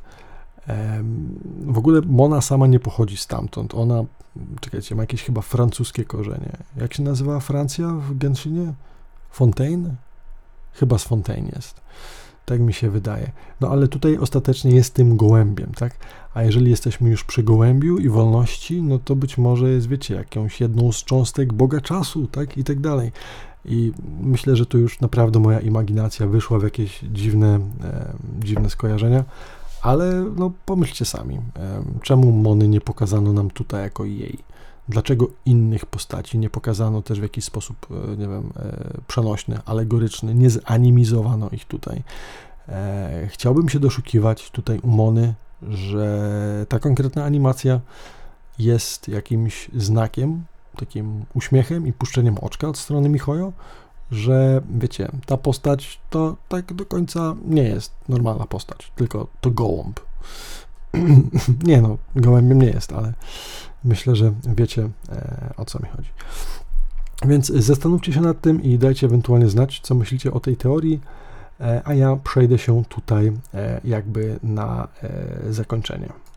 Ponieważ warto jeszcze dodać, że po powrocie do obozu E, i naprawieniu tej maszynki od iluzji, którą sobie już omówiliśmy wcześniej, no bo chronologicznie dopiero po tym jak e, kończymy Miraż Mony, znajdujemy tą maszynkę, naprawiamy ją, ale przeszliśmy to wcześniej, żebyśmy e, mieli świadomość tego, co się zadziewa i skąd te rzeczy się tu pojawiają.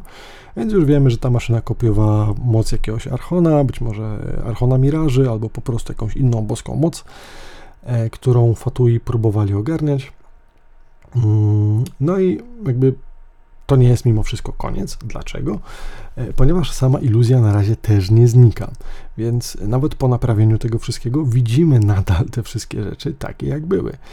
E, więc e, zastanawiam się, czy być może tak samo jak te miraże, no trwało to trochę, zanim się pojawiały, tak samo trochę czasu minie, zanim one znikną, czy być może będą wieczne.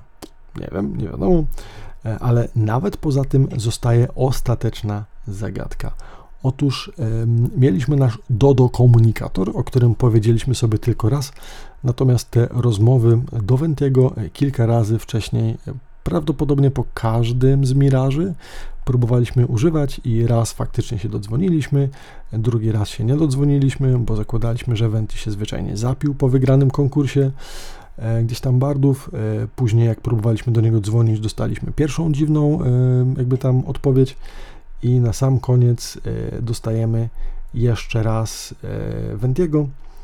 No ale chodzi o to, że ktoś tam w pewnym momencie przechwycił tą naszą komunikację. Mm, więc chyba po. Czekajcie, kiedy to było? Wydaje mi się, że po e, Mirażu Fischl, kiedy to dzwonimy do Więtego i próbujemy mu opowiedzieć, ej chłopy, co tu się stało i tak dalej, e, właśnie ten dziwny głos e, łapie nas, mówi, że odciął nas od komunikacji do Wentiego, bo chce, żebyśmy sami rozwiązali tą zagadkę, a nie tutaj próbowali w to jakiegoś archona mieszać. I to jest w sumie mało ważne, ale istotne jest to, że później ta sama postać na samym końcu, albo wcześniej, już nie pamiętam, powie nam o tym, że tak naprawdę te miraże reprezentują coś, co e, postać nazywa głębokim snem. Po angielsku e, to było nazwane deep dream. E, I ma to być stan serca człowieka, taki najbardziej podstawowy, najbardziej normalny. Więc um, czymkolwiek jest ta maszyna, jakiejkolwiek mocy ona używa, jest w stanie stworzyć deep dream. I tego wcześniej nie mieliśmy. Poprzednie miraże, czy jakieś takie iluzje, które się pojawiały, były tylko wyciekiem e, ley lines, które są traktowane jako jakiś wielki mm, materiał do przetrzymywania informacji, być może też o przeszłości. A teraz się okazuje, że taką wewnętrzną rezolucję postaci jesteśmy w stanie zobaczyć w ramach tego Deep Dream, który można zmaterializować używając mocy jakiegoś niezidentyfikowanego Boga. I być może też dlatego Paimon i Ether nie mają swoich. E, dlaczego? No bo uwaga, Deep Dream przedstawia stan serca człowieka. Czyżby zatem Paimon i nasz podróżnik nie byli człowiekiem? Hmm, hmm. Jest to też jakaś teoria, o którą się obiłem.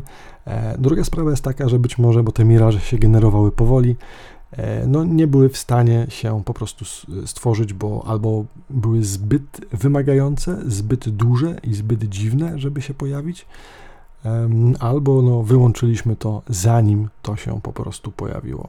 Nie wiem, ale bardzo podoba mi się ta teoria, że ani Paimon, ani Ether nie są e, po prostu ludźmi i dlatego ta maszyna na nich e, nie zadziałała. E, co ciekawe, też ta maszynka tylko pokazała te, jak to się nazywa, mm, iluzje, te miraże postaci, które miały wiżony. Tak, już wcześniej o tym mówiliśmy, że jeżeli ktoś miał słabszą psychikę czy coś tam, to zamiast kierować ich miraże, wpędzała ich w stan szaleństwa, natomiast ci o niezłomnej woli, którzy już zostali nagrodzeni wiżonami, mieli właśnie tworzone swoje Mm, swoje miraże, no a Paimon ani Ether tych jakby wieżonów nie mają, tak? Paimon nie korzysta z żadnych mocy jeszcze, a e, Ether po prostu e, no, jakby synchronizuje się z danym krajem, korzystając z mocy lokalnego bóstwa. Mm, tak. E, chyba w ostatniej rozmowie z tym tajemniczym głosem, właśnie, który mówi, że no tam fajnie, ten Deep Dream i tak dalej, my sobie porozmawialiśmy, ale e, nie przejmuj się, jeszcze się spotkamy. E, kiedy ta rozmowa, komunikacja się ucina, widzimy znak dendro, który gdzieś tam przez chwilkę się pojawia, a później znika.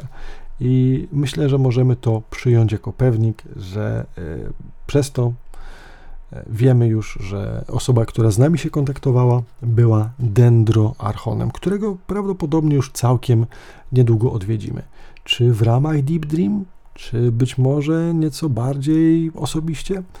No, czekam. Myślę, że tak samo jak wszyscy na aktualizację 3.0, aby móc sobie to e, potwierdzić. I słuchajcie, już na sam koniec, w ramach takiego podsumowania, e, chciałbym cofnąć się do e, jednego z pierwszych eventów, które miały miejsce dość dawno temu, a mianowicie e, Unreconciled Stars, kiedy to spadające gwiazdy przenosiły ludzi do czegoś na rodzaj mirażu e, pewnego podróżnika, e, który próbował właśnie sforsować jedną z największych gór e, w swoim życiu. I tak sobie teraz myślę, no bo trzeba by te rzeczy moim zdaniem połączyć. Dlaczego? Mm, no tak.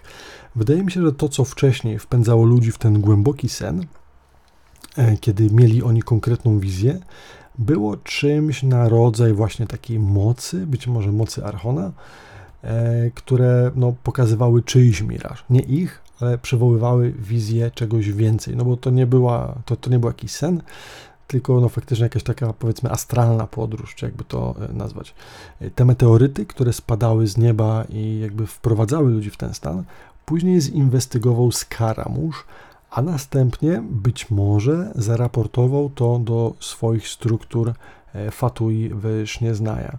I wydaje mi się, że ta cała maszyna, która tu została stworzona, zwyczajnie była owocem badań nad tymi meteorytami. No bo zapamiętajmy, że chyba Skaramusz przeprowadził jakąś tam analizę, wszedł prawdopodobnie do tego mirażu, czy jak tokolwiek zwać, e, tego ostatniego.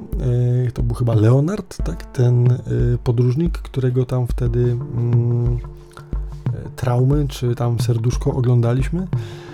I w tamtym momencie wyszedł z tego Skaramusz z jakimś potężnym przekonaniem, że zdobył jakąś mega ciekawą wiedzę i wydaje mi się, że to zostało później przekute właśnie na tą maszynkę, którą tutaj e, mieliśmy e, szansę podziwiać. Czy tak jest faktycznie, czy jest to tylko moja jakaś e, ułuda? Nie mam pojęcia, ale no cóż, nie mam nic mądrzejszego do dodania. Więc mam nadzieję, że fajnie Wam się słuchało dzisiejszego odcinka. Będziemy się słyszeć kolejnym razem już chyba w ramach aktualizacji 3.0, tak mi się wydaje. E, został nam mi, co prawda, jeszcze do omówienia e, Hangout. To był Hangout? Tak, chyba Hangout z najnowszym panem detektywem, ale za dużo materiału wyszło mi tutaj już praktycznie dwie godziny gadamy sobie, więc zostawimy to na kolejny raz. Myślę, że jakoś sobie to wciśniemy w inny odcinek. A tymczasem życzę Wam udanych y, banerów i puli, no bo jeszcze w ramach dwójki coś tam się dzieje, jakaś Joimia, ktoś tam polujecie. Nie wiem, mam nadzieję, że jeżeli tak, to dobrze Wam się uda na niskim gdzieś tam y, poziomie, y, nie wydając zbyt wielu primosów, zdobyć Wasze postacie. Trzymajcie się zdrowo i do usłyszenia w kolejnym odcinku. Na razie, cześć, cześć.